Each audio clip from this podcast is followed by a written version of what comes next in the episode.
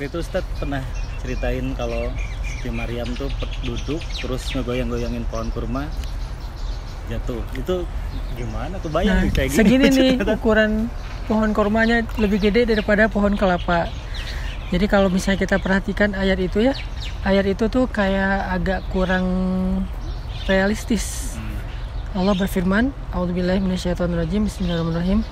Wa huzzi ilaiki bijiz'in nakhlati tusaqitu 'alaiki rutuban janiyya. Goncangkanlah pohon korma olehmu hai Maryam, maka akan berjatuhanlah buah-buah korma yang namanya rutop kayak gini, korma muda dan dia eh, segar sekali untuk dimakan.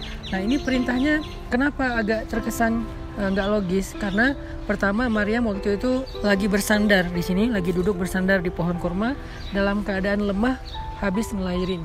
Jadi kayak selemah-lemahnya kondisi perempuan kan habis ngelahirin ya. Jangankan disuruh goyang pohon kurma, berdiri aja nggak kuat gitu. Terus pohon kurma itu sendiri lebih gede daripada ukuran pohon kelapa. Ini coba kita goyangin dua orang laki-laki ngegoyangin biasa aja gitu di atas teh. 10 orang laki-laki ngegoyangin tuh belum tentu jatuh rutop ya.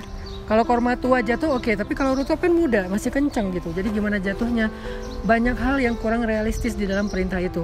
Nah artinya apa? Untuk bisa mendapatkan keajaiban dalam hidup kita nggak harus selalu berpikir realistis.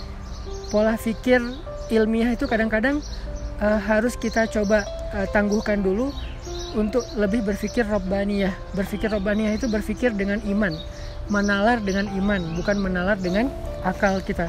Sehingga kalau kita menalar sesuatu dengan iman, yang kita yakin bahwa Allah Maha Kuasa, makhluk tidak kuasa, bahwa ala kulli syai'in qadir, yang penting kita taatin aja perintah Allah, maka terjadilah keajaiban. Pas Maryam memegang pohon kurma kayak gini, ini berguncang keras sampai menjatuhkan rutoban janiyah buah-buah kurma yang segar dan muda eh, kayak gini.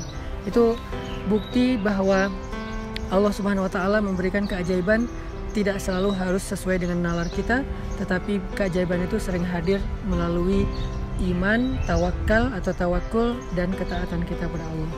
Taatlah kepada Allah maka terjadilah keajaiban. Walaupun ketaatan kita dengan keajaiban yang kita lihat itu kadang-kadang nggak nyambung, nggak harus selalu nyambung sih. Ya itu hikmah dari ayat di surat Maryam.